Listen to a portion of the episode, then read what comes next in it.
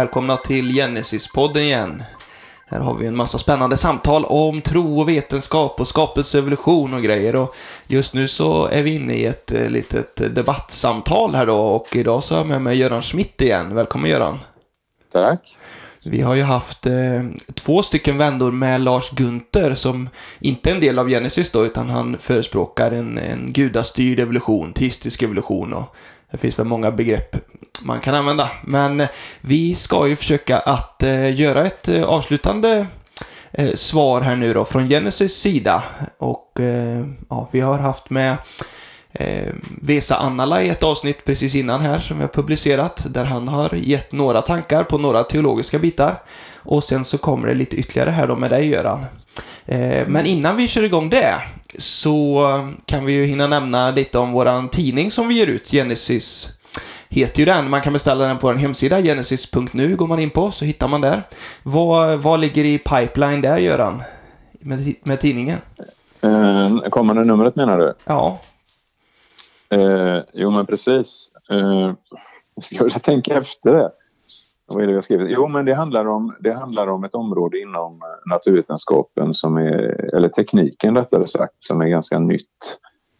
Eh, ja, nygammalt får man säga. Det, det är något som kallas för eh, biomimetik eller bioinspirerad design. Inte biograf då, utan eh, att, att man hämtar liksom inspiration från eh, konstruktioner i naturen då och tillämpar dem i tekniska sammanhang på olika sätt. Det är, kan man säga, temat för det numret som kommer för, i början av juni. Och där finns det givetvis väldigt mycket fascinerande då inom det här området. Om, eh... Ja, men det gör det verkligen. Det gör det verkligen. Det, det, det, det är liksom inte bara kardborrebanden på, på, på, skorna och jackorna och sånt där som är inspirerat från början från naturen utan det är så mycket saker. Verkligen högteknologiska saker som, som är. Så att det, det, det blir ett väldigt kul nummer att ha under sommaren och titta på. Så vill man läsa det så får man helt enkelt gå in och eh, prenumerera på, på Genesis. Vi har ju, det är ju enbart eh, 245 kronor för eh, arbetande vuxen. Studentnummer, vad, vad, vi har ju lite rabatt va, på student, visst är det ja, så? Ja, men det är 100 kronor på rabatt, så 145 kostar det. Precis, så är man student så är det enbart 145 kronor för en årsprenumeration. Fyra stycken nummer får man då med mycket spännande eh, saker. Eh, så gå gärna in och kika på det. Men vi ska då ta och eh, dyka in i dagens avsnitt här och eh, i samtalet med Lars Gunther då så har det mycket kretsat kring lite teologiska frågeställningar liksom med bibelsyn och bibeltolkning och hur man eh, ser på dem. Framförallt de första kapitlen i, i första Mosebok men eh, även lite bredare och sådär. Man får gå tillbaka och lyssna om man vill ha mer koll på det hela. Men jag vet ju du vill nämna något Göran här först då om Alltså lite våran bibelsyn, vad den eh, grundar sig i och hur det påverkar och, och, hur det hänger ihop kanske med, med våran syn på vetenskapen och sådär. Vill du lägga ut det lite? Ja, alltså det... Jag kan tänka mig att många som lyssnar på, på programmet och på de här, men, den här dialogen och läser boken då, våran eh, den här boken Fyra kristna diskuterar skapelse och evolution. Alltså, där är ju då flera kristna, olika kristna personer som, som liksom alla menar att man är ja, men bibeltroende om man säger. Eh, att man håller Bibeln högt och att man tror på allt som står i Bibeln och så vidare. Mer eller mindre säger man så uttryckligen då. Och ändå så eh, när man då tittar vidare på lite mer i detalj på vad man egentligen hur man då läser Bibeln, hur man då tolkar Bibeln så blir det väldigt, väldigt olika. Eh, och jag tror då alltså att man... Eh, alltså det som ligger i grund för detta det, det är lite grann det här med eh, vilket förtroende som man har för den moderna vetenskapen. Alltså alla har, har ju ett stort förtroende för naturvetenskapen med jag menar, teknologi, medicin och all, all, alla de här bitarna. Eh, utan, så, så det handlar inte om det, att, eh, att, att man har liksom olika syn på det. Men det finns vissa aspekter av naturvetenskapen som, som har att göra med eh, som är historiska vetenskaper helt enkelt. Där vi inte jobbar liksom, på samma sätt med bevis utan man kan, att man kan se olika på eh, naturvetenskapliga fakta och dra olika slutsatser och sånt. Så att det här med, jag menar att det här med vilken syn vi har på Bibeln, hur vi tolkar Bibeln, vilken syn vi har på Bibeln och hur vi ser på vetenskapen. Eh, framförallt hur vi, hur vi ser på evolutionsteorin har jättestort eh, stor inverkan på varandra. För om det är så, jag menar om det är så att evolutionen från mikrober till människor, om, om det verkligen är en sann skapelseberättelse, om det verkligen är, stämmer att det har gått till på det sättet, jag menar då, då är det inget snack om saken.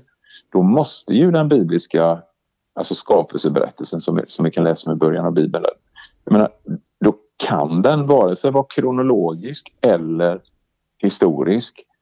Eh, och, och det kan inte handla om eh, tidsperioder i, i termer av dagar och år utan då måste det eh, då måste man läsa Bibelns, eh, alltså ja men första elva kapitel egentligen som eh, symboliskt, eh, mytologiskt sådär då. Eh, alltså, alltså för, för, en vanlig normal, alltså normal, för en sekular, sekulariserad svensk så är det, själv, det här totalt självklart att, att det är på det sättet. Man kan väl i all sin inte läsa Bibeln som en historiebok och så vidare. Eh, men Lars lutar ju också åt det hållet. Han har ju också landat där egentligen. Eh, därför att han menar att han tror på det som han kallar normalvetenskapen. Eh, och, och, då, och då, måste, då, då måste vi ha den här eh, synen på Bibeln. Och det är men klart om, att om, Lars uttrycker ju att han, han är ju egentligen öppen för både och då liksom, men han ser att det här är en möjlighet som Bibeln ger. Och jag tänker att det är ju, det är egentligen två stycken stora frågor då i, i det här som vi har pratat om. Delvis är det liksom vad, hur, hur får man faktiskt se på Bibeln, liksom vilken bredd finns det i Bibeln? Och det är ju egentligen inte ja.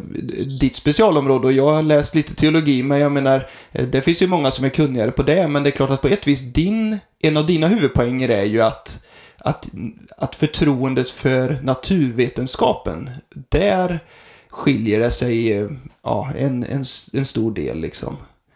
Ja, Alltså jag, jag, jag, jag har liksom inte.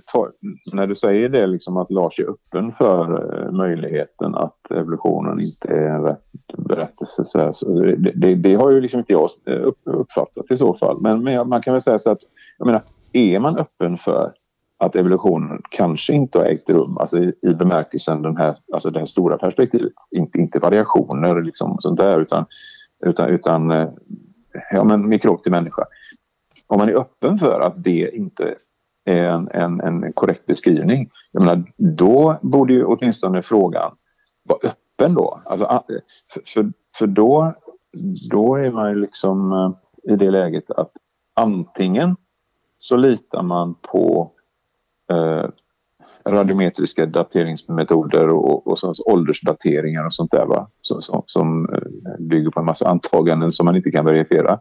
Eller man, lut, eller man lutar sig på utombibliska källor och sånt där. Och, och, och så vidhåller man att skapelseberättelsen inte handlar om en sexdagarsperiod eller eh, att syndafloden kanske inte har ägt rum och sånt där. Va?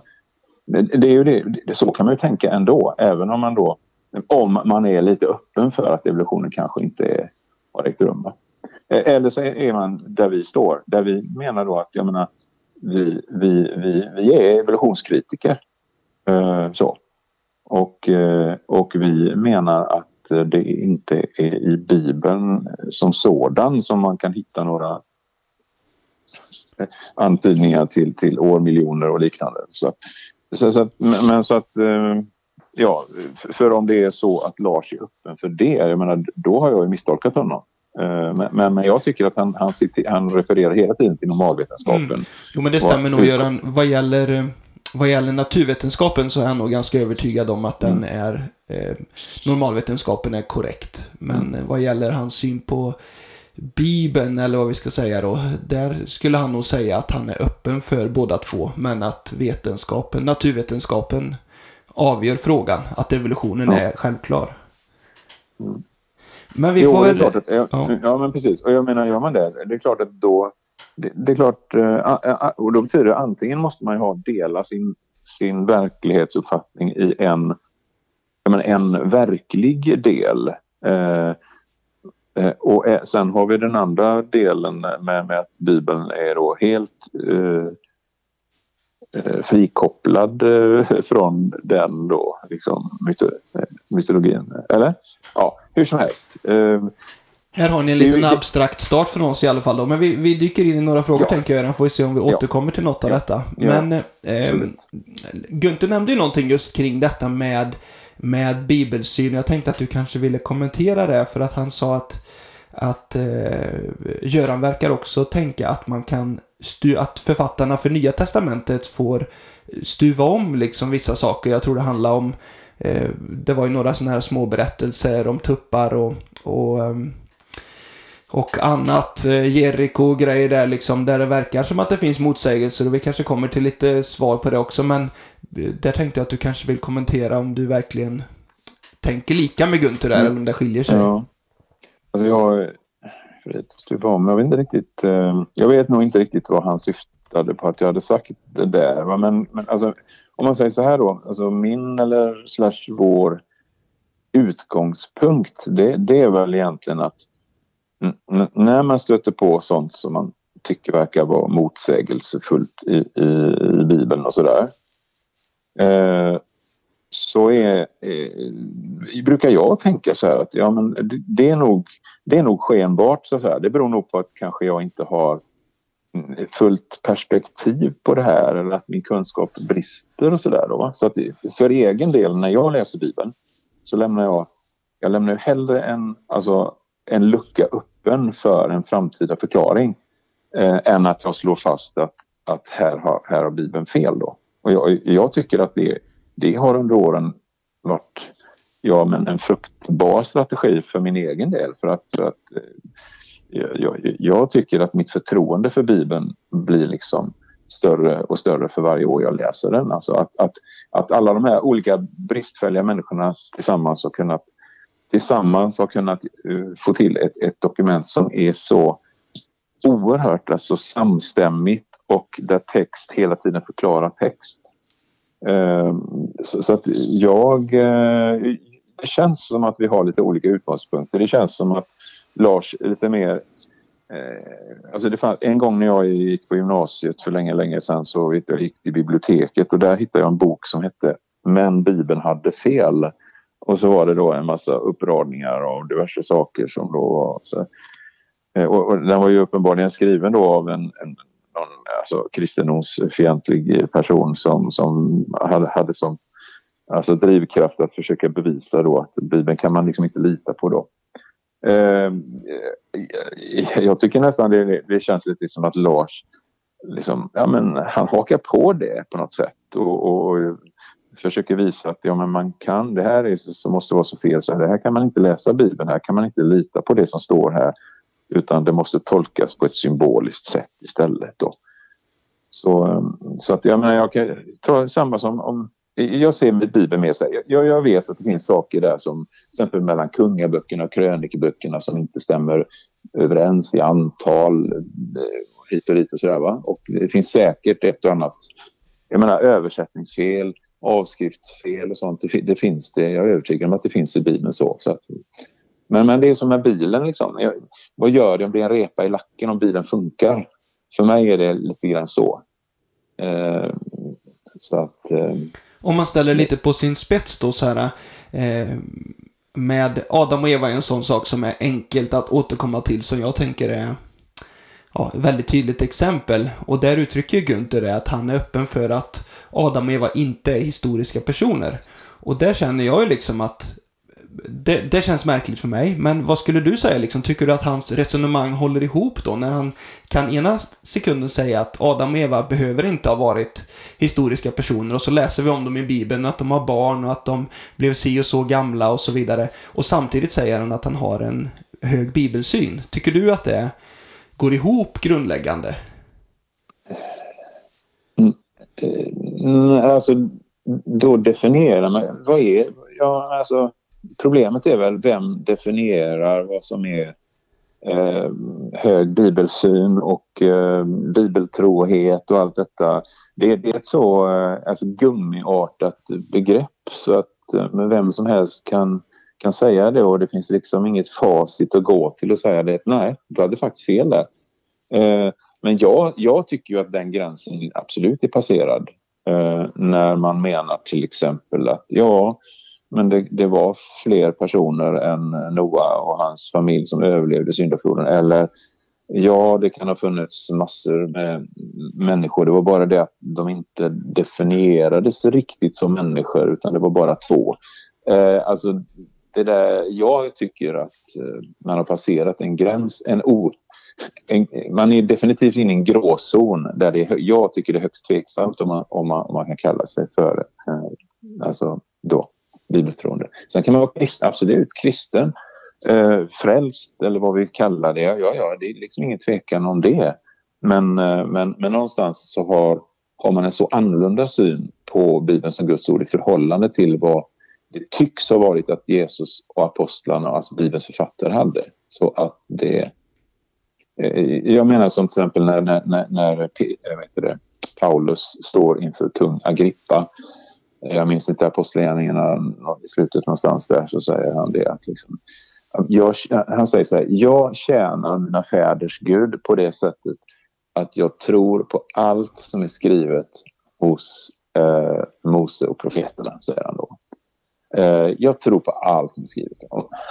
Kan man, kan man säga det eh, om man inte tror att syndafloden ägt rum, om man inte tror att Adam och Eva och så vidare, att ska, världen skapades på sex dagar och att Gud vilade. Kan man verkligen säga det då? Ja, jag är tveksam till det, men det är inte jag som dömer över det. Det, det är liksom, jag menar, det är Gud som, som avgör det och, och, och som sagt, ingen frälsande fråga heller, men, men jag, tycker att, jag tycker att det är viktigt, speciellt i den tid vi lever i nu, med en vetenskap som är på ständig förändring, eh, att man inte liksom hakar på eh, vetenskapliga sanningar som om de vore sanningar när de i praktiken inte är det och låter det gå ut över bibelordet och, och förtroendet för det. Sen har vi detta med, Gunther nämner lite om, om att västvärlden skulle ha gått från en icke-kronologisk till en kronologisk kultur. Och att en siffra i Bibeln kanske då inte eh, hade lika stor betydelse eller eh, ja, sådär. På samma sätt som vi tänker idag. Mm. Eh, ja, alltså det vet man ju inte. När man inte har, när man inte har uh, varit där, eller vill säga. uh, men, men uh, jag vet inte. Jag, jag eh, alltså hur, hur, bevisar man det på något sätt? jag tycker, jag menar tittar man, tittar man på gamla, alltså Tittar man på gamla sumeriska mm, kilskriftstavlor så jag menar, det handlar ju framförallt om det handlar ju om matematik, det handlar ju om ekonomi, alltså man, man gör statistik över saker och ting och, och, och så vidare. Så att det, det, är ju ingen tvekan alltså om att eh, på den tiden i alla fall, och det var ju inte så långt, jag menar det var ju ungefär samtidigt med de här, alltså med, höll jag på att säga, eh, Abraham och eh, som det här var. Och nog hade man matematiken som en vetenskap där man hade ordningstal och räknade med det. Så, så att jag, jag tror det är en efterkonstruktion helt enkelt. Jag kan tänka så här, Göran, att, att, och nu säger jag inte att det är så, men i teorin så känns det som att det är en fara liksom när man, när man är evolutionstänkande då, eller vad vi ska säga att man hela tiden tänker att ja, men det har skett så stor utveckling. Liksom. Vi, vi tänker mycket smartare idag än vad man gjorde för eh, 5000 år sedan eller något då. Och det tänker jag ju från bibliskt sett att det är ju verkligen inte så självklart. Och sen är inte det säkert att det gäller på det här eh, fallet, det, det vet inte jag, men att, eh, att, att vi skulle ha ett mycket mer rationellt tänkande idag jämfört med dåtiden. Det är nej, ju kanske nej. inte farligt. Ja, ja nej, men det är ju, jag menar, samtidigt som man hade avancerad matematik nere i, i Sumer och i Egypten så, så, så sprang ju folk omkring med stenyxor här och eh, jagade och fiskade upp i våra trakter.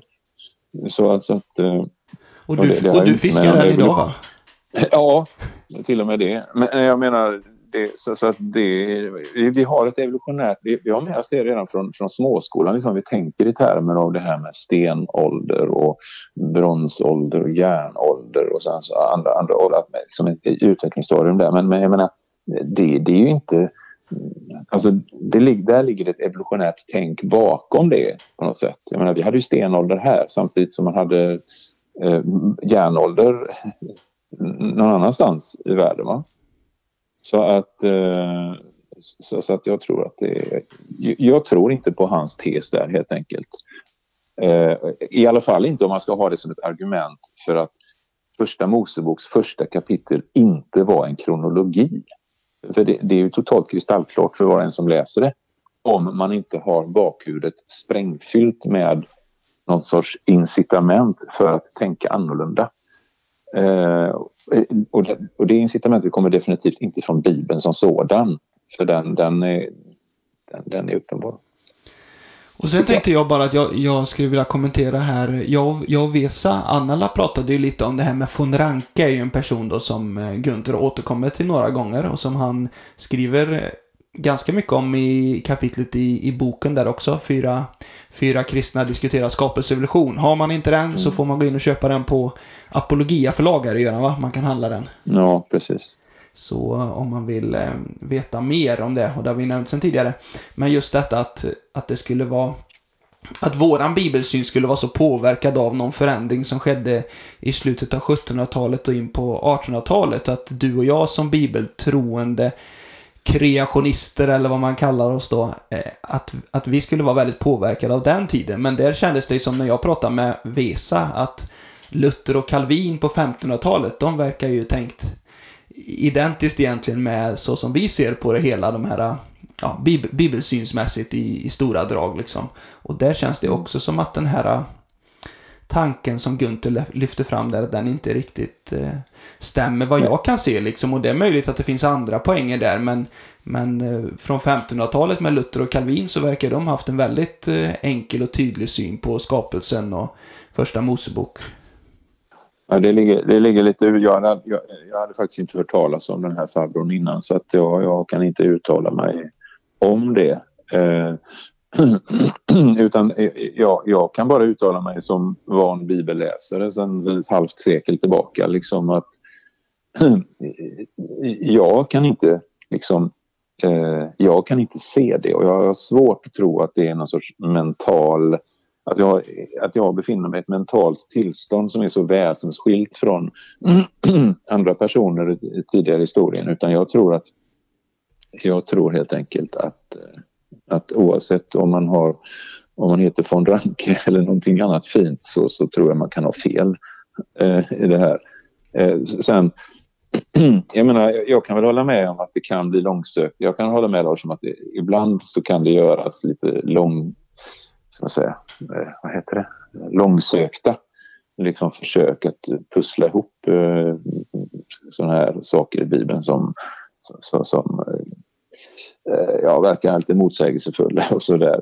Eh, men anmärkningsvärt ofta så tycker jag ändå att man, om man har liksom ingången att ja men här finns det nog en, det finns nog en förklaring. Det kanske är liksom, det kanske till och med är så att det här är med avsikt lite dunkelt uttryckt i Bibeln för att jag ska kanske dyka ner. Det kanske finns en sanning här som man inte kan upptäcka om man inte går ner lite grann på djupet i det här. Många gånger så tycker jag att det är så faktiskt. Eh, vissa saker är lite, lite dolda och lite kryptiska därför att det döljer en andlig sanning. Så, så att... Eh, eh, men att ta upp en gal eh, två eller, en eller två eller tre gånger inte jätteviktigt. Eh, eller sex gånger var visst någon som sa enligt, enligt Lars där. Det, det är spännande. Yes, och eh, jag tänker, jag hoppar lite där Göran, i, i manus, ja, du får hänga det, på här. Men jag tänker på det här med, alltså ordet slag då, eller min heter det väl på hebreiska. Och jag kan inte mm. snacka hebreiska, men eh, där pratar ju, har vi pratat en del om sen tidigare. Och Gunther nämner just det att, att eh, ja, men i första Mosebok kapitel 1 och 2 eller vad det är så finns det inget som tyder på att det här har med någon form av biologisk klassifiering att göra. Eh, och sådär. Mm. Och eh, jag tror varken du eller jag känner att vi är, är eh, bibelvetare eller språk, språkvetare på det viset. Men jag tror inte att din anledningen till att du skulle säga att det finns tydliga grundtyper är ju egentligen inte utifrån det som du har läst i Bibeln liksom så tror jag mycket, utan mycket är det väl utifrån det som du ser i naturen också. Eller har jag fel? Nej, men så är det. Ursäkta. Men eh, den, eh, alltså den, det är ju ingen tvekan om att den levande världen är eh, det finns, det, finns alltså diskreta, diskreta, inte bemärkelsen, ja, ska man säga, ifrån, i, i, eh, som motsats till kontinuerliga eller liksom glidande förändringar så är det diskreta förändringar mellan de olika livsformerna. Så är det i, i ett grundläggande mönster då. Eh, och, eh, alltså, när vi ser till exempel på de olika familjerna av däggdjur till exempel så, så är det liksom tydliga gränser mellan dem. Men, men eh, vad ska vi säga? Eh, det gäller ju även i fossilen. Jag menar, det är ju känt mönster i fossilen att, att eh, vi har de här eh, gränserna. Att, att eh, livsformerna uppstår, eller man hittar dem liksom färdigutvecklade i stort sett och sen så är det, råder det stasis, det vill säga det, det sker inga större förändringar eh, upp genom lagren då till dess att ett djur dör ut eller försvinner då. Eller fram till våra dagar. Så det, det, är liksom ett mönster i både den levande och fossila världen. Sen, sen när jag då läser i Bibeln att det står att Gud skapade de olika organismerna efter sina respektive slag eller grundtyper, vad man nu vill översätta det som, så, så är det klart att jag känner att ja, men det, här, här, här, det här harmonierade. Här är en harmoni mellan vad Bibeln säger och verkligheten. Sen så är det precis som Lars säger att, att det, ja, men Bibeln är ingen biologibok. Det är, det är liksom ingen lärobok i, i, det, i zoologi eller så. Men utan där kan vi konstatera att, att Mose som inspirerades till att skriva Moseböckerna och eh, och när Gud talar till Mose och så vidare och när han återger vad Gud säger så, så, så är det så att där finns en sorts eh, systematik i det. När, när, eh, när, när, Gud, när, alltså när det talas om rena och ogena rena djur och eh, djur av olika slag.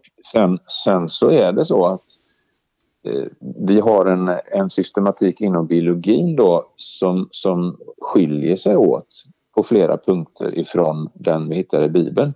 Men, men vad är det som säger att de måste stämma överens? Alltså Bibeln har en systematik och det kristna, bibeltroende biologer liksom försöker konstruera en, en systematik utifrån Bibeln för att det är spännande och intressant. Sen tror inte jag att en sån systematik kommer att stämma överens med biologernas. Alltså fladdermössen betecknas som fåglar och så vidare. Ja men det, det, det är ju ingen fågel. Nej, det är det inte med den definition som vi har. Men, men eh, i Bibeln så finns det då en annan definition, nämligen flygande större djur på något sätt betecknas som fåglar och så vidare. Eh, så att, eh, ja.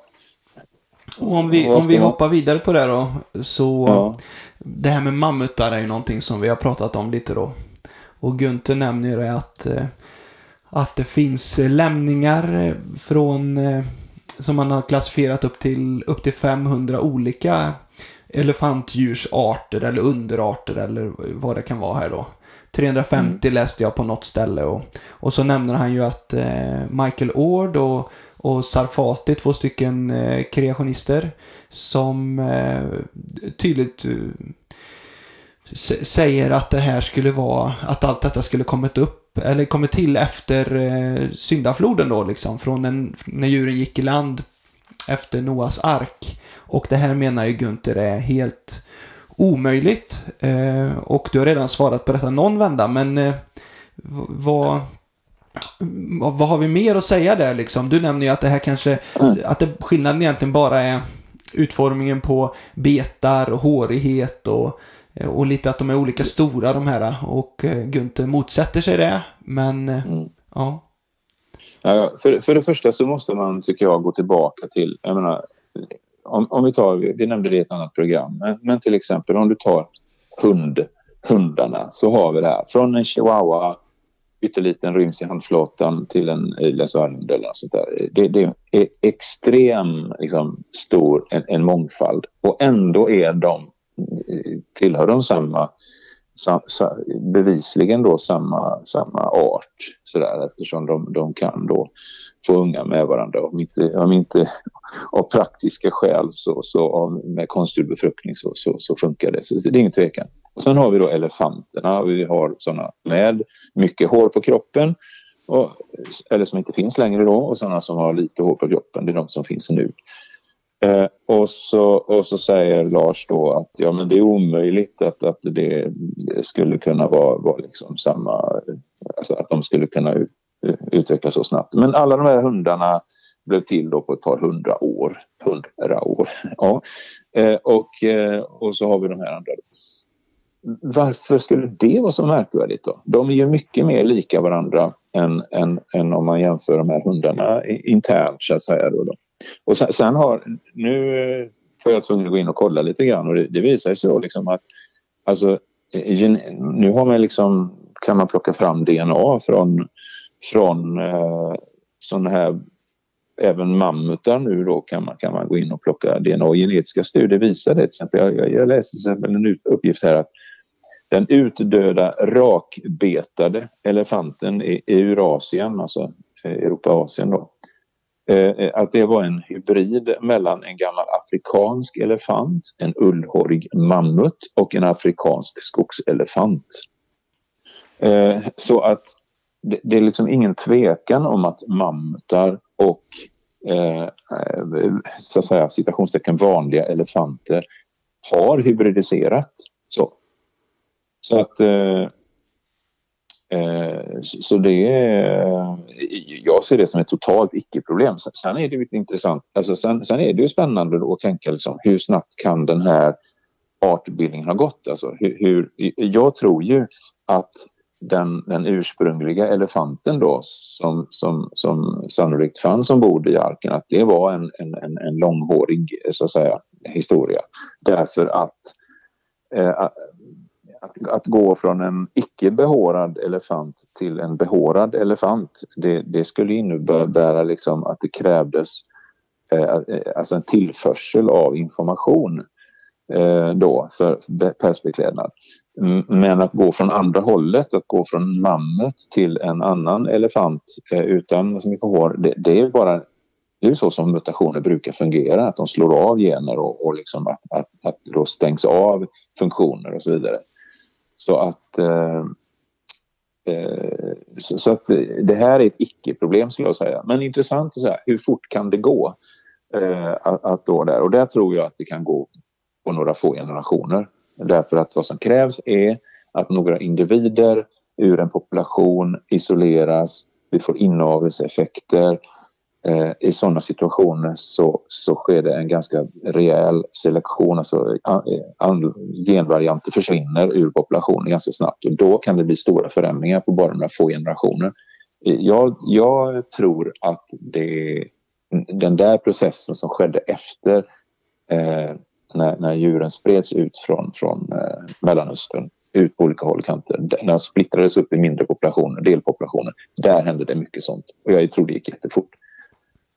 Men det är liksom ett, ett biologiskt tänk utifrån ett bibliskt perspektiv eller med ett bibliskt perspektiv som på något sätt eh, modell eller hypotes. Jag tror Gunther nämnde det också att eh, elefanter idag och sådär, de får ju kalvar så sällan. Om han sa kanske var tionde eller var tjugonde år eller något sånt där.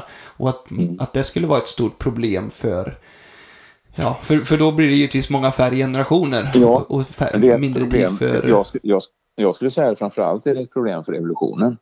Eh, därför att eh, eh när, det, när det uppstår, alltså eh, skulle, skulle, om skillnaderna mellan mammut och vanlig elefant hade uppkommit genom små gradvisa mutationer under lång tid eh, och det skulle ha varit en, en, liksom, väldigt stora skillnader, genetiska skillnader, då hade det varit ett jätteproblem med tanke på hur få hur lång livstid eh, och generationstid de har och hur få unga de får. Eh, ja. Men nu är inte den genetiska informationen så stor då som du har nämnt här. Och, och jag vet inte, vad, vad, skulle du säga, måste det, Måste elefanterna ha fått ungar så sällan tillbaka i tiden också? Det kanske är självklart. Jag vet inget om det, men... Ja, nu, nu vi, det är mycket spekulation i detta så det, det är jättesvårt att, att, att säga om det. Men, men, det finns alltså ett problem för, för eh, evolutionen i synnerhet när det, är, när det handlar om eh, eh, organismer som har, eh, föder ganska få ungar som elefanter då till exempel, eller som människor. Det är liksom hur att, att det krävs så oerhört lång tid innan en viss mutation eller förändring, då, genetisk förändring, slår igenom och blir fixerad i hela populationen. Alltså till exempel om, om eh, jag vet inte om jag har tagit det exemplet någon gång här i, podden men eh, antag att eh, du skulle få en mutation som gör att du får en, en hårtofs rak mitt på näsan. Liksom sådär. Eh, du är ensam om den mutationen och den, är, den, är liksom, den, den gör att du blev väldigt attraktiv för det motsatta könet för att du har den där lilla hårtofsen på näsan där.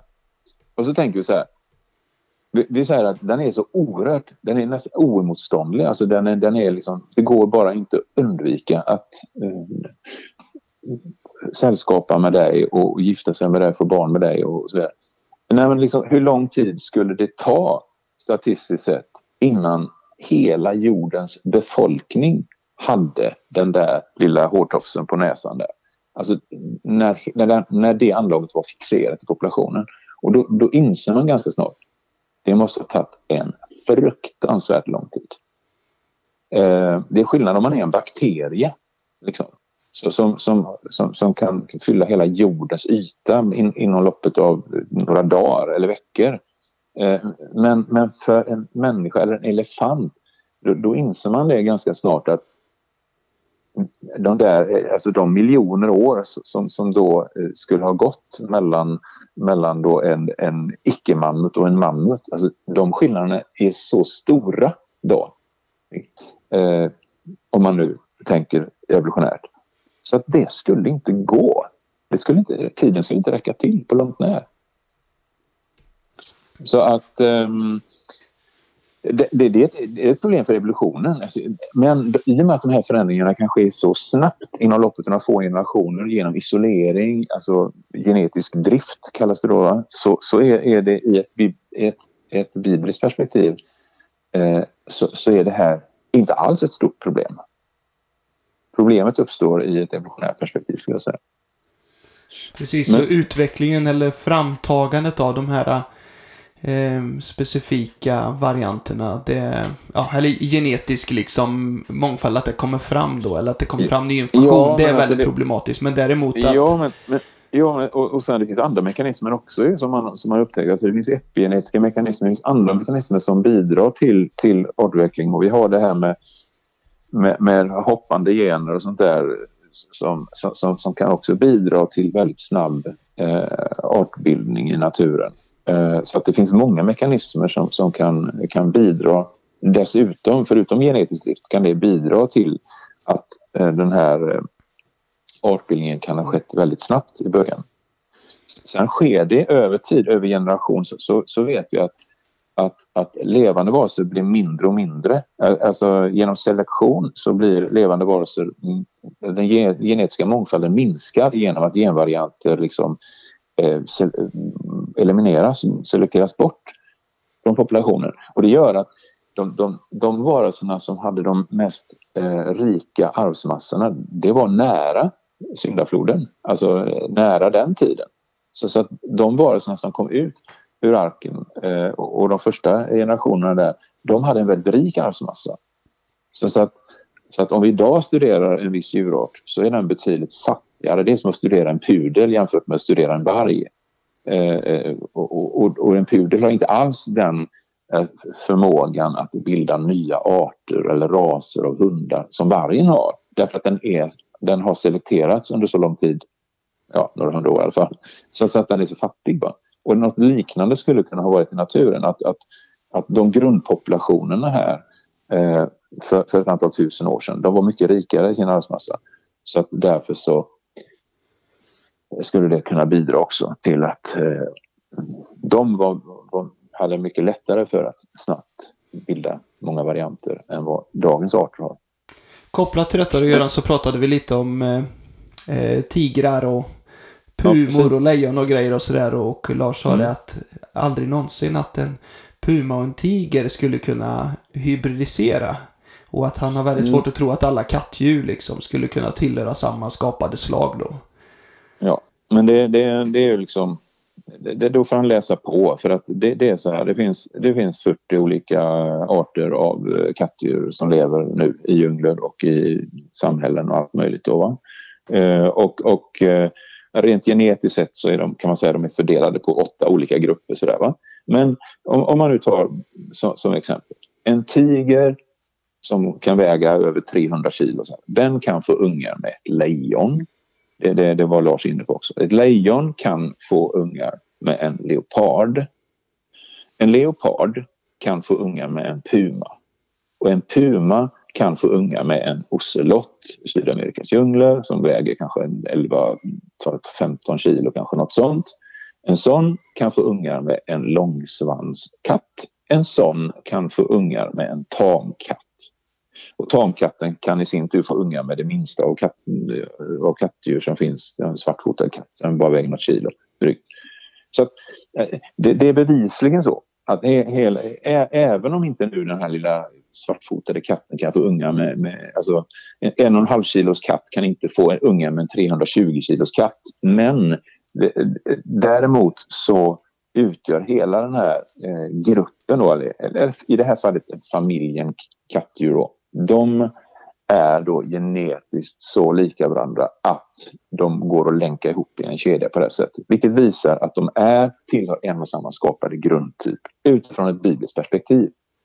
Så, så, att, så att, som, som bibeltroende biolog så, så, konstaterar man det. Ja, men det här visar att det är en och samma grundtyp. Så att, så att, så, så att sannolikt så var det då ett urkattdjur. Hur, hur, hur det nu såg ut, det, det, det, det vet jag liksom inte. Men, men, men ett par av, för det står det att in till Noa i arken så gick då eh, två representanter av varje min, av varje slag, gick in till Noa i. Och om det nu är så här, vilket jag tror, att, att eh, det var ett urkattdjur som gick in till Noa i arken.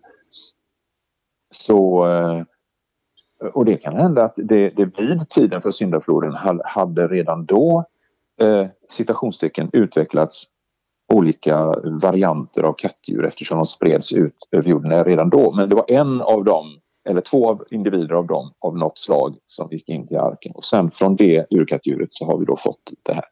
Och hur lång tid tar det? Ja, det vet vi inte. Men, men eh, det, det, jag tror att det har gått fort eh, och som bibeltroende då, eh, alltså som bibeltroende och med den bibliska kronologin då, att det här handlar om i, i termer av ett antal tusen år, så, så tror jag och vi att det här är fullt möjligt på kort tid. Men det kan ju vara intressant att se om det går att eh, verifiera med, eh, med olika former av korsningsförsök. Så att det, det, är inte bara liksom att, att vi har ett grundkattdjur som sen utvecklas utan här, här har det varit hybridiseringar också. Att en variant har då parat sig med en annan variant och så har det blivit mellanvarianter också. Ja, det var en yes. lång utläggning. Nej, men det är bra. Vi har ju gått igenom lite olika saker här nu och jag tänker att vi ska ta och eh, runda av det här avsnittet i alla fall här så ska vi återkomma med eh, några saker till i ett separat avsnitt. Men är det något mer Göran du vill nämna eh, kring detta innan vi bryter för detta? Mm, nej, det, det, nej, det blir väl så långt program då så att det är väl nästan vi nöjer oss så. idag. Vi kan, ja, det gör vi va? Yes. Man får skicka in frågor till oss på podden genesis.nu, podden med 2D. Eh, så eh, tar vi gärna emot lite eh, åsikter och tankar och frågor och, och, saker man vill kommentera och så vidare. Så önskar vi alla en fortsatt härlig dag. Och tack så mycket Göran för inspelningen. Mm, tack själv. Hej då på er.